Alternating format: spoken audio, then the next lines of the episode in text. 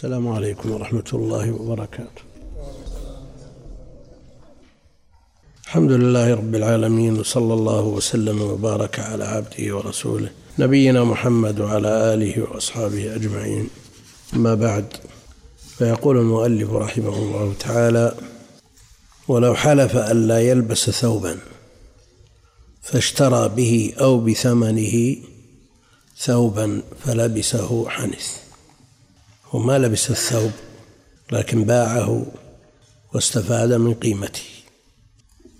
إذا كان المحلوف عليه عين الثوب ألا يلبس حينئذ لا يحنث. وإذا كان المحلوف عليه المنة المترتبة على هذه الهدية أهدي إليها الثوب فلبس فحلف ألا يلبسه. دفعا للمنة منة المهدي. حينئذ لو استفاد من ثمنه على أي وجه من الوجوه فإنه يحنث. ولذا يقول ولو حلف أن لا يلبس ثوبا فاشترى به أو بثمنه ثوبا فلبسه حنث. إذا كان ممن امتن عليه بذلك الثوب. وقل مثل هذا في جميع الهدايا والهبات والعطايا لكن ماذا يصنع بهذا الثوب؟ إذا كان لا يستفيد منه ولا من ثمنه يهديه أو يرده. ها؟ شو؟ نعم. وكذلك إن انتفع بثمنه مثل. الثمن فيه منة تبعا لأصله. وإن كان المحلوف عليه لبس هذا الثوب بعينه دون سائر وجوه الانتفاع به نعم لم يحنث. إذا باعه وانتفع بثمنه أو استبدله بما ينتفع به.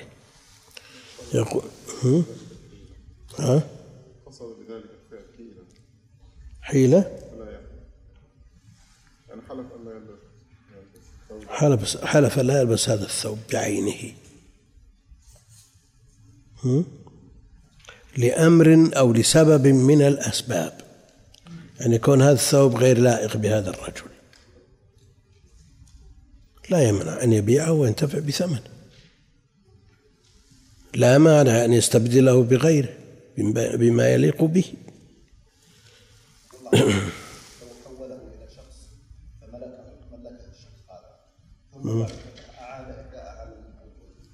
يعني أهداه إلى شخص واحد إلى ثاني. والمحلوف عليه نفس الثوب. خلاص لبس الثوب الذي حلف عليه. ها؟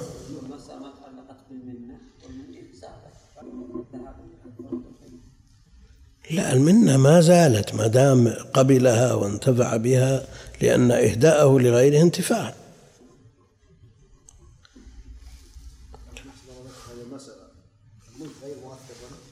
ها؟ لكن المنة ما زالت قائمة.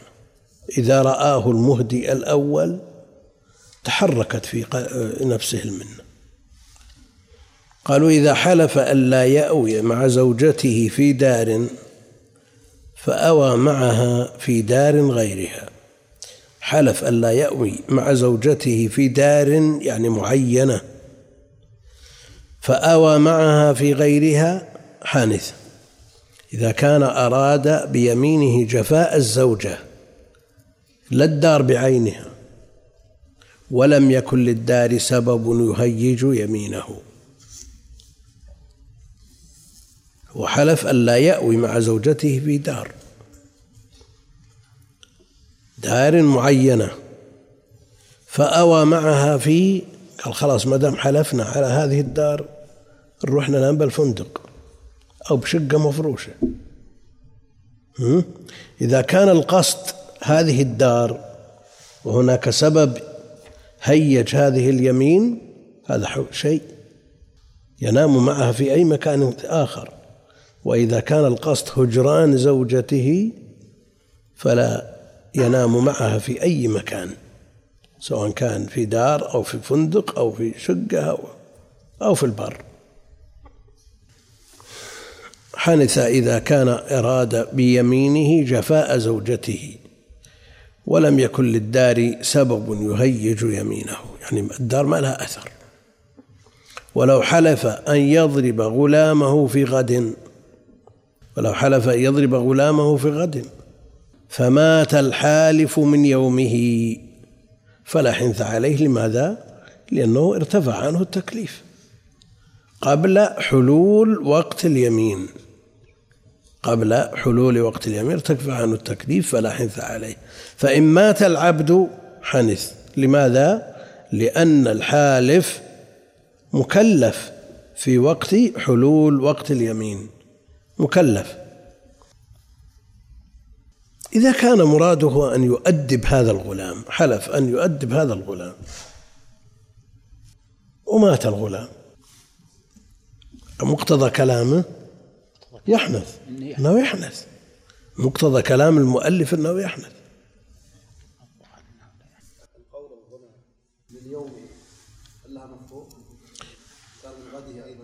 وين إذا مات الحالف من غده تلزم الكفارة في تركته. إذا مات من غده لزمت الكفارة في تركته. لكن إذا مات العبد الحانث الحالف مكلف في وقت حلول اليمين وهو مكلف. تلزمه الكفارة. لكن إذا كان الهدف من من هذا اليمين تأديب هذا الغلام وارتفع ما حلف عليه ولم يكن لليمين موقع. ما كان لليمين موقع. مقتضى كلام المؤلف أنه يحنث لأنه مكلف في وقت حلول اليمين.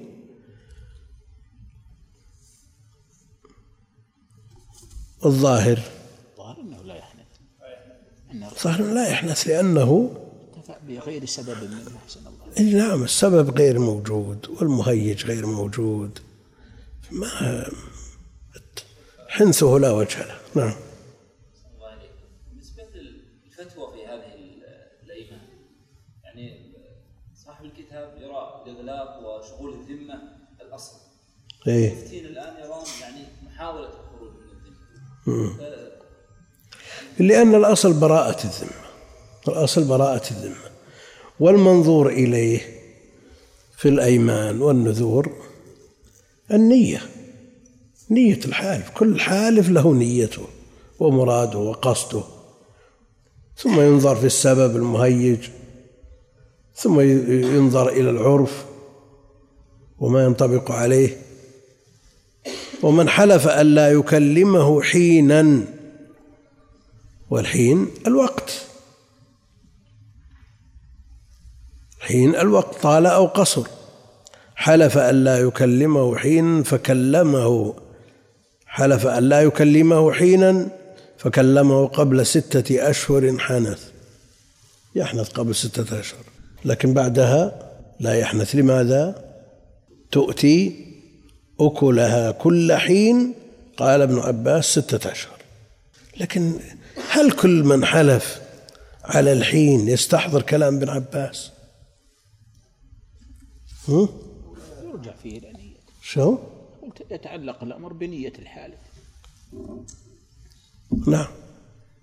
أولى من يفسر المراد المتكلم فهو أعرف بمراده ومقصده. لكن قال ستة أشهر علشان ابن عباس قال تؤتي أكلها كل حين كل ستة أشهر. ها؟ لكن في آيات ذكر فيها الحين. ها؟ أقرب وأبعد. والحين في الأصل الوقت. فالربط بهذه الآية على وجه الخصوص لا وجه له. وإذا حلف أن يعطيه حقه في وقت فقضاه قبله يعني ومراده أن لا يتأخر عن هذا الوقت. مراده لا قال حلف أن يقضيه دينه في رمضان فقضاه في شعبان. يقول وإن حلف أن يعطيه وإذا حلف أن يعطيه حقه في وقت فقضاه قبله لم يحنث. لأنه شو المقصود من حل من كونه يحلف؟ يحلف أن يقضيه حقه في رمضان ألا يتأخر عليه. فإذا تقدم لا إشكال. لكن قضاه في شوال يحنث. فقضاه قبله ولم يحنث إذا كان أراد بيمينه ألا يجاوز ذلك الوقت ولو حلف. لكن لو كان مراده أن أن يتحقق القضاء في هذا الوقت. ها؟ بالتقديم والتأخير يحنث. إذا قصد الوقت.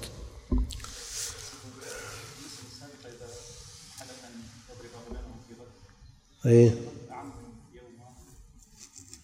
لا الغد الذي يلي يومك. الغد في اليوم الذي يلي يومك اللي أنت فيه. لا تخلى مثل هذه الأمور. لو آه، آه، لو حاسبنا الناس عليها ما ما مشى أمر له. كل شيء له ما له ما يدل عليه سياقه. لكن في عرف الناس أن الغد بكرة على ما يقولون الذي يلي يومك.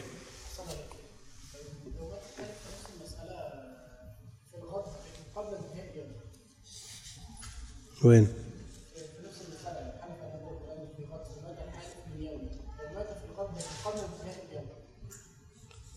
لكنه تحقق الغد وجد الغد. في أوله.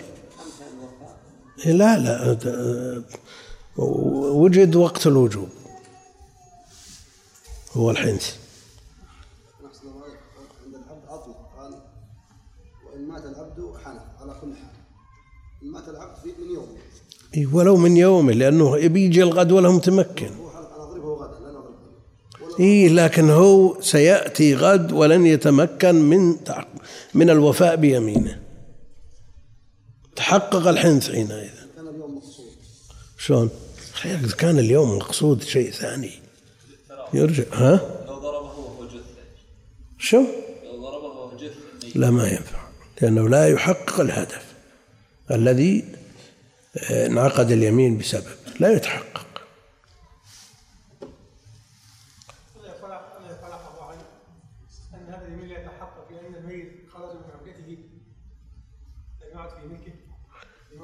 لكنه جاء الوقت الذي يجب عليه الوفاء بيمينه.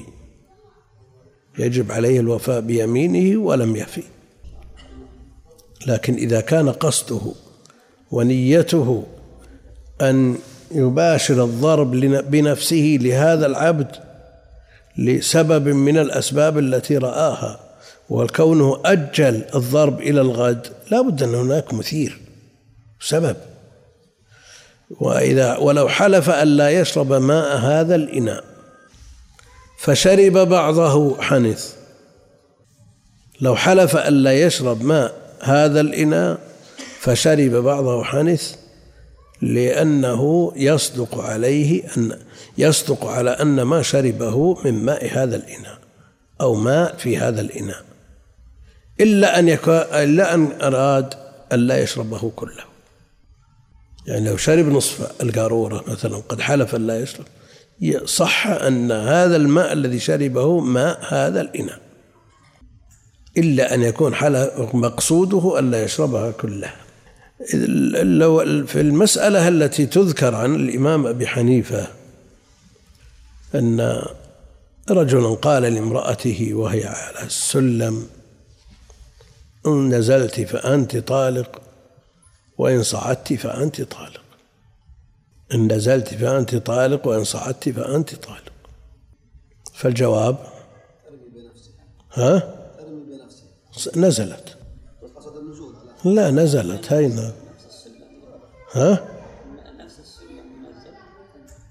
السلم يسحب من الأسفل شيئا فشيئا إلى أن تصل إلى الأرض. أو تحمل. أو تحمل تحمل. أو تحمل. لأنها ما نزلت ولكنها أنزلت. نعم. عندنا الذي شرب نصف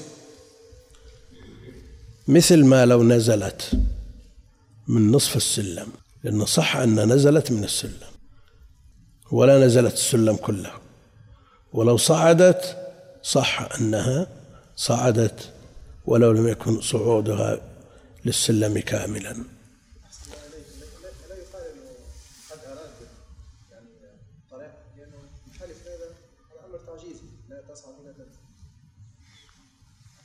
لكنها ما حصل منها شيء لا صعود ولا نزول. لكن لا يرجع لهذا المفهوم نيته ها؟ النية مرة مسألة ثانية لكن محا- محاسبته بلفظه عند انعدام النية مثلا ولا النية هي المدار عليها. قال ويرجع في الأيمان إلى النية. في صدر الباب.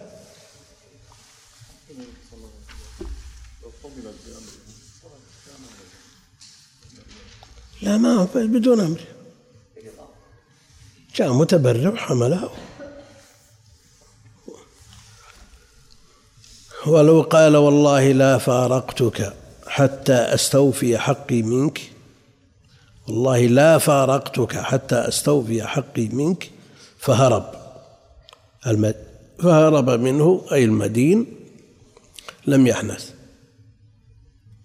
لا فارقتك لأن المفارقة ليست منه وإنما هي من المدين. لم يحنث ولو قال لافترقنا نسب الفراق إليهما وله نصيبه من هذا الفراق فهرب منه حنث. لأن المفارقة من الطرفين والفراق من طرف واحد. ها؟ قد تكون أقوى من مسألة العبد مسألة إيش؟ العبد في السابق إيش فيها؟ إنه ما يحمل على هذا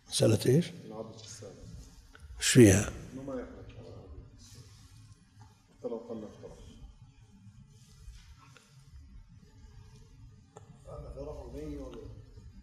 لا الافت- الافتراقنا يعني من الفراق منه من الطرفين. وفي الصورة الأولى من طرف واحد. وين؟ في هذا افترقنا إيه ألزم المدين بيمينه هو إيه ما قلنا المدينة اللي يحنث؟ اللي بيحنث الحالف. ها؟ إيه. على كل حال الصور هذه ما هي ما هي بنصوص. ليست نصوص.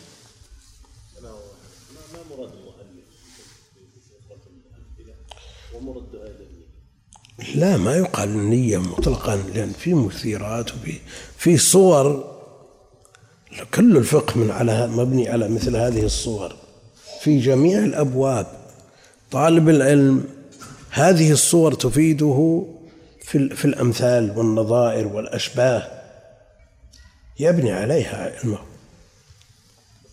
هل المؤلف رحمه الله يعني ذكرها قصدا لأجل أنها يبنى عليها؟ من أجل طالب عموم الم- المسائل الفقهية والتفريعات من قبل أهل العلم لتفتيق ذهن الطالب وإلا قلنا طالب العلم يأخذ من الكتاب والسنة وبلاش من الأمثلة هم؟ لا بد من نعم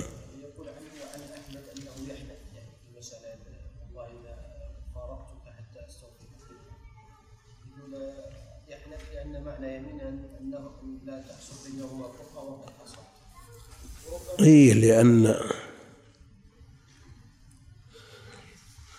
لأن المفاعلة تكون من طرفين هذا هو الأصل المفارقة.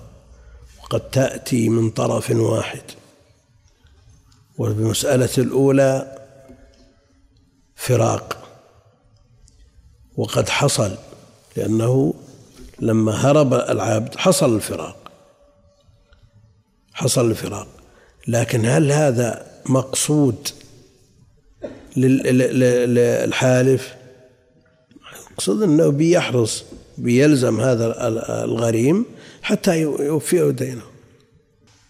تجمع عليه بين مصيبتين وتحنث في يمينك وحقك يضيع هرب. ولو حلف على زوجته أن لا تخرج إلا بإذنه فذلك على كل مرة. ولو حلف على زوجته أن لا تخرج إلا بإذنه فذلك على كل مرة. كل مرة تريد الخروج تستأذن. إلا أن يكون نوى مرة واحدة يعني في هذا اليوم أو في هذه المرة من الخروج. إذا كان قصد ذلك فتكفي يكفي الاستئذان مرة واحدة. ولو حلف أن لا يأكل هذا الرطب بعينه أشار إليه قصده. حلف أن لا يأكل هذا الرطب فأكله تمرا. حنث. لأن هذا هو ذاك نفسه. هذا التمر هو ذاك الرطب الذي حلف عليه. والعكس. إذا حلف أن لا يأكل تمرا فأكل رطبا إيه لا يمكن أن يرجع يعود. التمر يعود رطب لكن الرطب يكون تمر. ها؟ منين يتولد؟ شو؟ إيه. لا لا هذا بعيد. هذا لا, لا, لا لن يقصد قطعا. لا عندك تمر ورطب. حلف أن لا يأكل هذا التمر. أن لا يأكل تمرا. ما هو هذا التمر بعد؟ لأن هذا التمر لن يعود رطب. لا يأكل تمرا. فأكل رطب لم يحنث. وإذا حلف أن لا يأكل هذا الرطب ثم يبس ونشف صار تمرا. فهو بعينه ما تغير. ولو قال ولو حلف أن لا يأكل هذا الرطب فأكله تمرا حنث وكذلك كل ما تولد من ذلك الرطب كل ما تولد من ذلك الرطب. لو لو صار دبس مثلا أو صار يسوون آيس كريم الآن. آيس كريم التمر. ها؟ يسوونه يستخرجون منه أشياء. لكن إذا أكله صح أنه أكل ذلك المحلوف عليه. وإذا حلف أن لا يأكل تمرا فأكل رطبا. لم يحنث؟ لو كان نيته أنه لا يأكله على هذه الحال ما دام رطبا. يعني هذه نيته النية تقضي على الصورة. ها؟ إيه النية تقضي على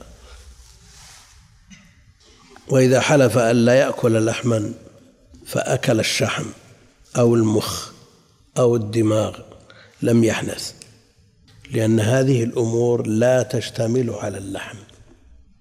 بخلاف العكس لو حلف أن لا يأكل الشحم أو لا يأكل الدسم وأكل لحم لأن اللحم لا ينفك من الدسومة. إذا حلف أن لا يأكل لحما فأكل الشحم أو المخ أو الدماغ لم يحنث إلا أن يكون أراد اجتناب الدسم. إلا أن يكون أراد اجتناب الدسم. فاللحم فالشحم دسم كذلك المخ دسم وهكذا. فيحنث بأكل الشحم فإن حلف. أن لا يأكل الشحم فأكل اللحم حنث لأن اللحم لا يخلو من الشحم. إلا في حال الهزال الشديد. في حال الهزال الشديد. في ها؟ وش فإن حلف أن لا يأكل الشحم. ها؟ فأكل اللحم حانث. لأن اللحم لا يخلو من الشحم. يعني هذا هو الغالب. لكن قد يوجد في بهيمة الأنعام أو غيرها. ما فيه من الهزال ما لا يوجد معه الدسم أصلا. وإذا حلف أن لا يأكل لحما نواقض الوضوء. حملنا اللحم على غيره تغليبا. فلما لا يجرى هنا مجراه لأن هناك أدلة مثل لحم الخنزير مثلا. حمل على كل ما حواه جلده. نعم. ومثله لحم الجزور يشمل جميع ما حواه جلده. لكن هنا الشحم لا يدخل في اللحم عرفا ولا لغة. لا يدخل فيه لغة ولا عرفا. وهناك ها؟ شو؟ حقيقة شرعية.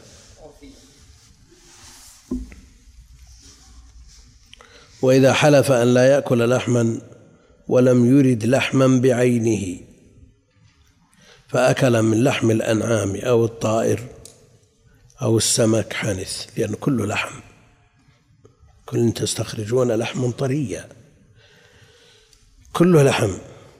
لكن لو قصد قال اللحم أنا قصدي اللحم الأحمر.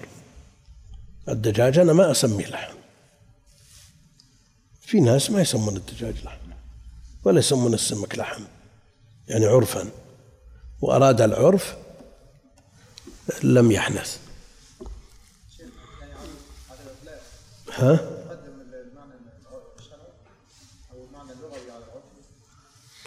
في الحقائق الثلاث في الحقائق الثلاث إذا لم تمتنع الحقيقة اللغوية عند عموم الناس فهي الأصل.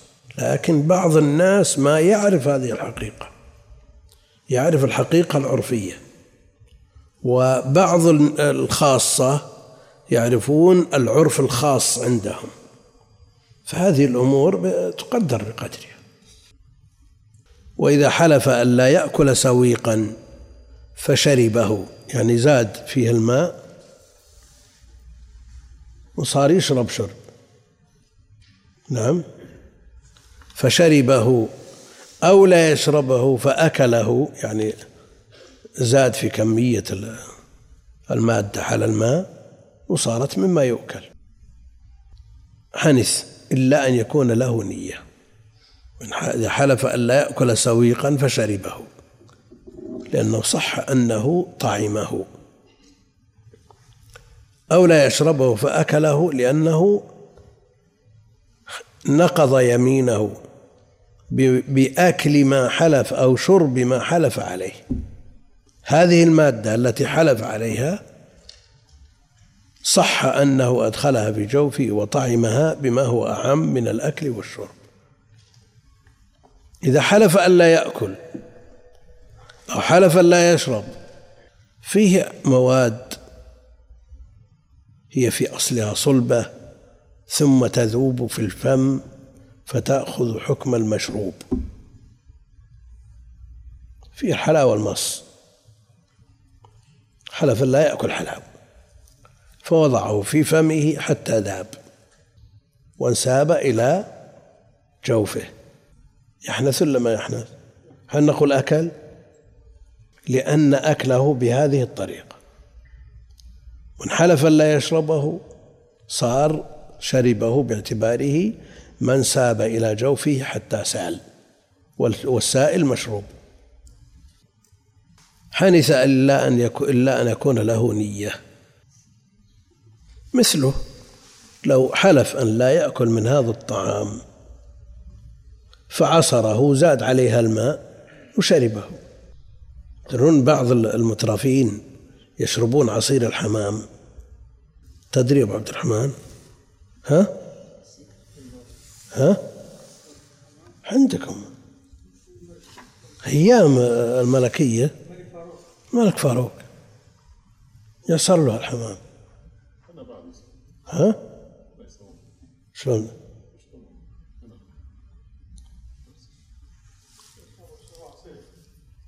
أنت شربت عصير البرحي تمر آه البصر؟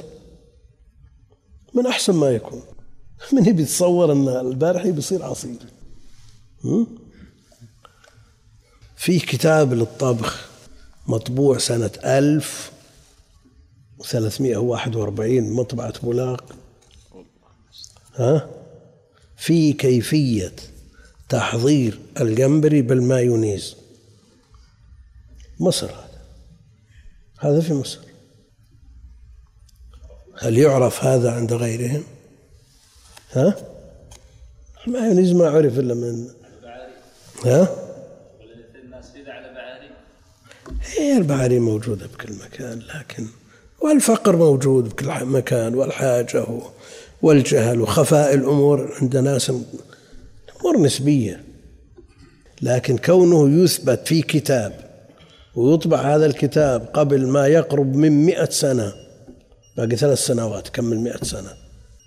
تحضير القنبري بالمايونيز. عندكم. عندكم. إيه؟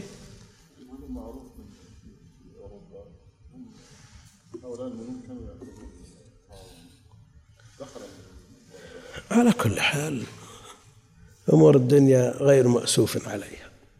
المهم رأس المال. رأس المال.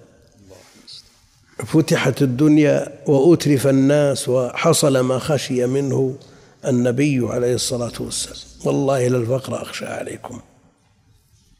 لما فتحت الدنيا تنازل الناس عن أديانهم وعن أعراضهم.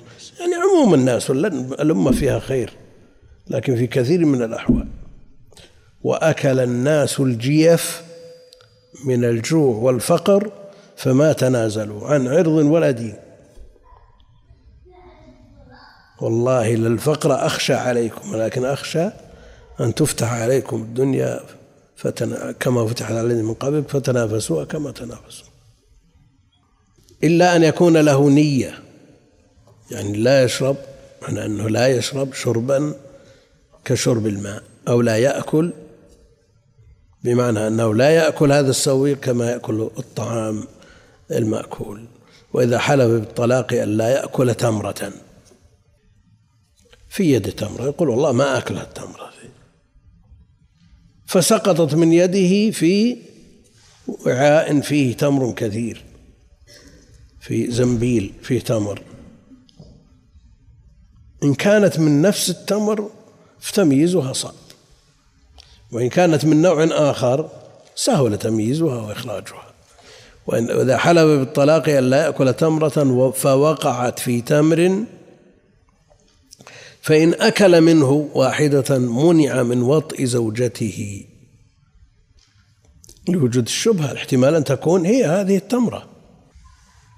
حتى يعلم أنها ليست التي وقعت اليمين عليها. ولا يتحقق حنثه. لا يلزم بالكفارة حتى يأكل التمر كله. لأنه إذا أكل التمر كله عرفنا وجزمنا بأنه أكل هذه التمرة المحلوف عليها. لكن يمنع من زوجته إلى متى؟ إلى متى يمنع من زوجته؟ حتى؟ هو قال حنث. ما يلزم بالكفارة لأنه لم يتحقق ما حلف عليه بيقين. والأصل بقاء النكاح. ولا يمكن من وطئ زوجته لاحتمال أن تكون هذه التمرة هي المحلوف عليها. يبقى متردد. يبقى مثل اللي مر مع الميزاب وسقط عليه ماء أو تردد هل هل جاءه شيء من من رشاش النجاسة أو ما جاءه فقطع الشك باليمين جلس تحته. كله التمر كله. عشان تجزم إنك حنثت وتكفر.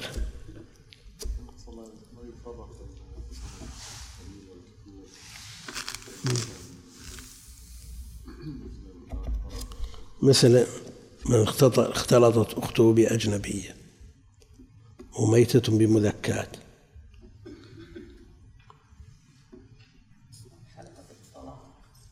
إذا حلف الطلاق إيه؟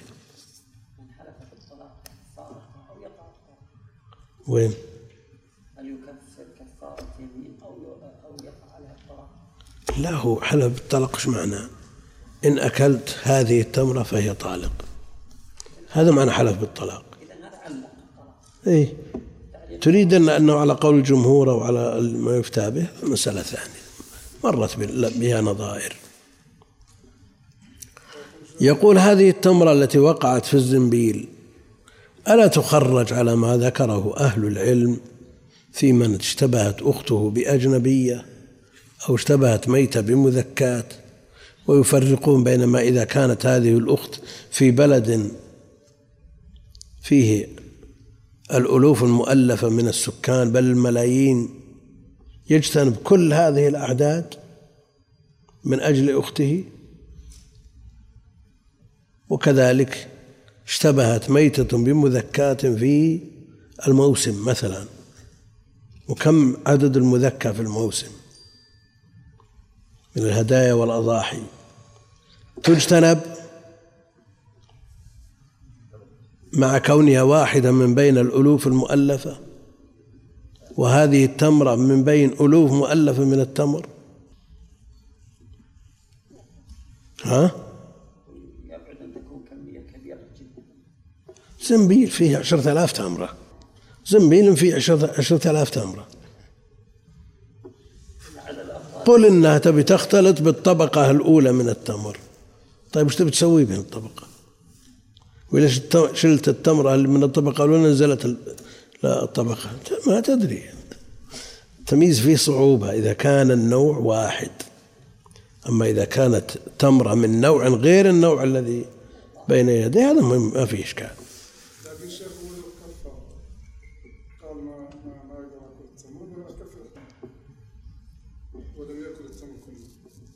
هو إذا كفر على القول بأن الحلف بالطلاق كفر بكفارة يمين وليس هذا بتعليق للطلاق على هذا الأكل على قول الأكثر. إذا يجوز أن يكفر قبل الحنث. يجوز أن يكفر قبل الحنث جرى على المذهب مثل قالوا اذا اختلط اجتبت لديه ثياب النجس يصلي في كل في عدد ثياب صلاه ويزيد صلاة بعدد النجس ويزيد صلاة اي شلون بيزيد؟ يبي ياكل كل الزنبيل ويزيد واحدة؟ ها؟ لا لا لا هذه موج هذه موجودة هو ما حلف أن لا لا التنظير غير مطابق تنظير غير مطابق ها؟ هي مسألة الاشتباه أخته بأجنبية وميتة بمذكاة أقرب. ولو حلف أن يضربه عشرة أسواط فجمعها فضربه بها ضربة واحدة. لم يبر في يمينه لأن التأديب بعشرة الأصوات لا يحصل بالتأديب بجمعها. ضربها مفرق بضربه بها مفرقة أنكى من ضربه بها مجموعة. والمجموعة كالواحدة. لكن إذا كان في يمينه حلف أن يضربه عشرة أصوات. ثم طرأ عليه الضعف أو المرض فأراد أن يخرج من هذه اليمين كما في الحد كما في قصة أيوب مع امرأته أيوب مع امرأته إذا كان هل يفتى بأنه يضربها مر يضرب المحلوف عليه مرة واحدة بعشرة أصوات مجموعة ها؟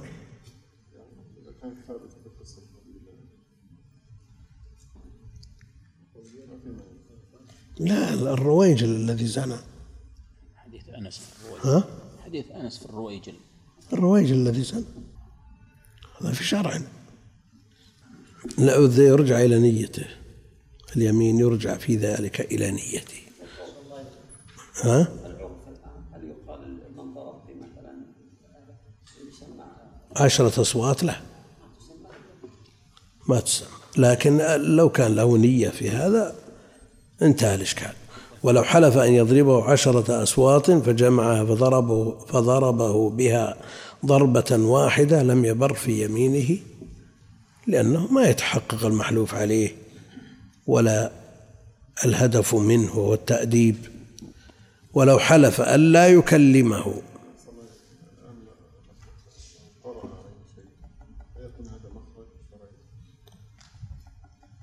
لو طرأ عليه شيء يعني مخرج شرعي كما كما هو في كما هو في شأن الرويجل الذي زنى ولو ضرب مئة جلدة مات. قالوا ضرب مئة جلدة مات. وهنا يقال لو ضرب عشرة أصوات مات. تجمع هذه الأصوات أو يكفر عن يمين انتهى الإشكال لأن فيه بدل فيه بدل هنا. فيه بدل هنا. وميسور نعم. هناك ما في بدل ما أن يوجد إلا يعطل الحد. خذ بيدك ضغطا فاضرب به ولا تحمل جعله موفيا بيمينه.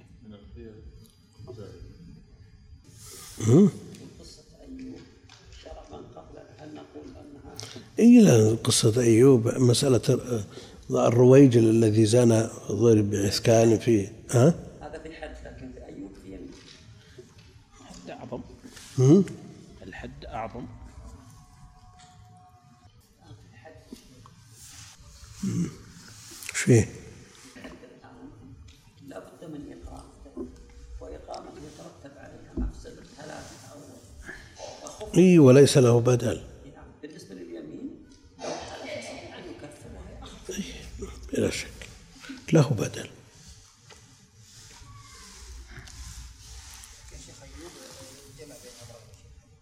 مم. مثلا يضرب و- و- ويكفر ولا لا يكفر؟ به ولا تحنث والكفارة مبنية على الحنث دل على أنه ما كفر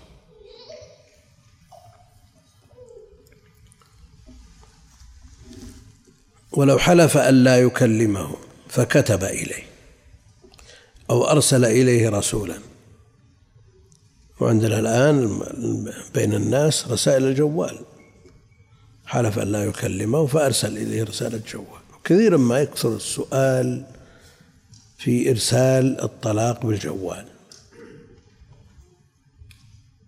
إرسال الطلاق بالجوال. يقول لو حلف أن لا يكلمه فكتب إليه الرسالة كتابة سواء كانت على ورقة أو على الأرض. لو كتب على الأرض. ها؟ إيه. فكتب إليه أو أرسل إليه رسولا حنث إلا أن يكون أراد أن لا يشافيها الفرق بين المشافهة التي عند أهل العلم تحديث. المكاتبة والرسالة ونصب العلامة. كل هذا من باب الإخبار وهو أوسع من التحديث لأن التحديث بالمشافهة والإخبار أعم من المشافهة والكتابة والإشارة ونصب العلامة. فإذا حلف أن لا يخبر فلانا امتنعت كل هذه الأمور. وإذا حلف أن لا يحدث فلانا اقتصر الأمر على المشافهة. كما هو مقرر في كتب علوم الحديث. وعندنا يقول ولو حلف أن لا يكلمه فكتب إليه. أو أرسل إليه رسولا حنث إلا أن يكون أراد أن لا يشافيه يستقيم مثل هذا. حلف لا يكلمه فكتب إليه. يصلح يصدق أنه كلمه. ها؟ شو؟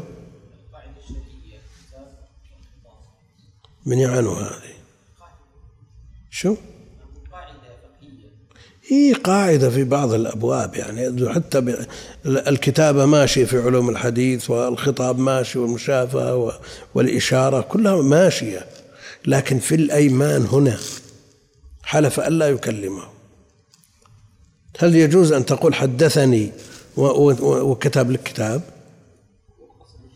ها؟ لا إذا قصد ألا يكلمه قصد الهجران كل هذه تقطع الهجرة بدليل أنه لو كتب إليه بالسلام انقطعت الهجرة.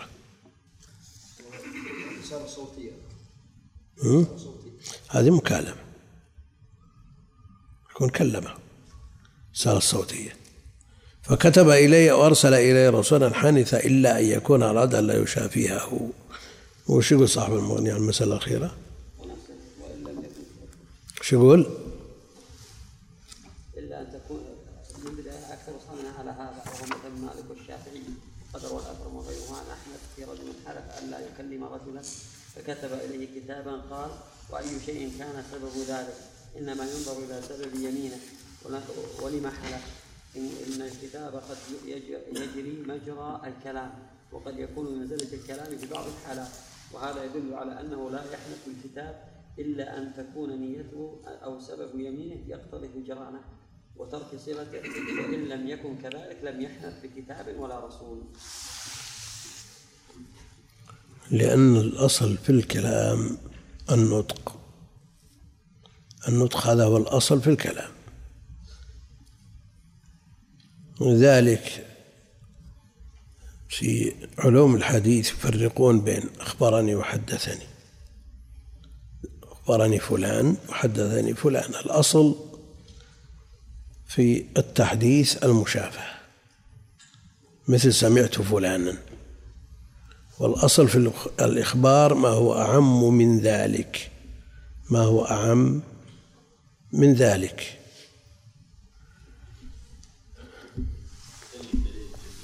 ها؟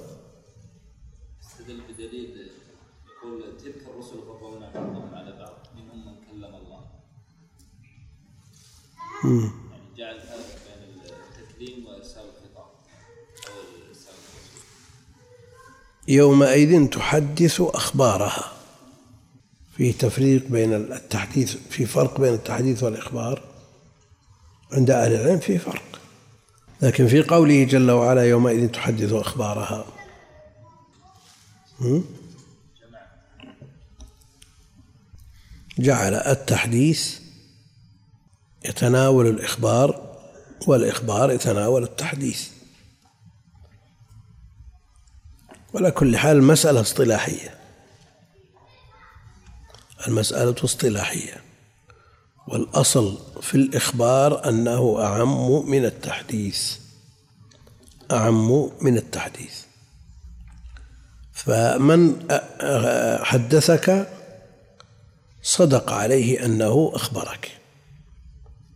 بخلاف من أخبرك قد يكون بتحديث أو مثل ما قلنا بكتابة أو إشارة لأنه يحصل الخبر أو نصب علامة.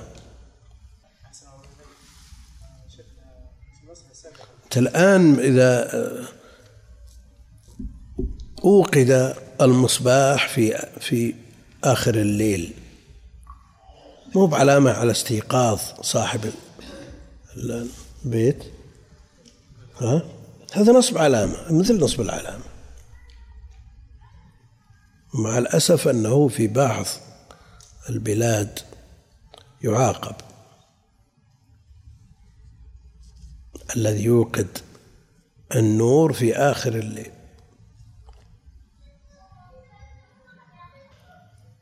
والله المستعان. نعم. مسألة سابقة ذكرها المصنف في من حلف على أن لا يدخل وأدخل يده قال يحلف يعني كمن حلف على أن يطلق كمن طلق يده أو رجله فاحتياطا قال يحلف لكن شيخنا أليست أقرب لمسألة يعني لما جاء فيها النص من النبي صلى الله عليه وسلم كان يعني يخرج رأسه لعائشة رضي الله عنها يعني هذا أشبه بها إلا هذا عكسها تماما. هي عكسها. لا أنت شوف حلف أن يدخل لا يحصل هذا بجزئه. لكن حلف أن يخرج صدق منه أنه خرج جزء منه لا لا ينفك عنه. ولذلك إذا طلق يد المرأة يحصل يحصل ولا ما يحصل؟ يحصل عند أهل العلم. لو ظهر من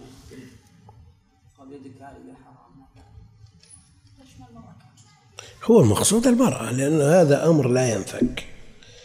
كونه عليه الصلاة والسلام في معتكفه في المسجد يخرج رأسه إلى عائشة ترجله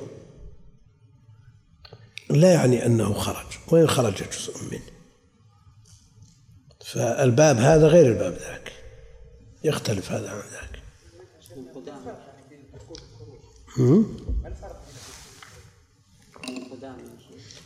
هذا حلف أن لا يدخل أو حلف أن يدخل مثلا. حلف أن يدخل ما أدخل إلا يده. يصح أنه دخل؟ ما يصح أنه دخل. نعم. وحلف أن لا يخرج.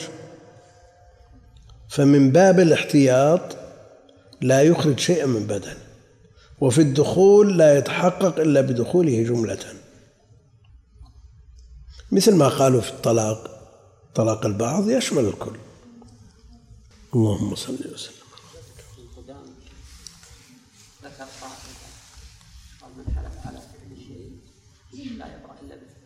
بفعله كله. يبرأ إيه.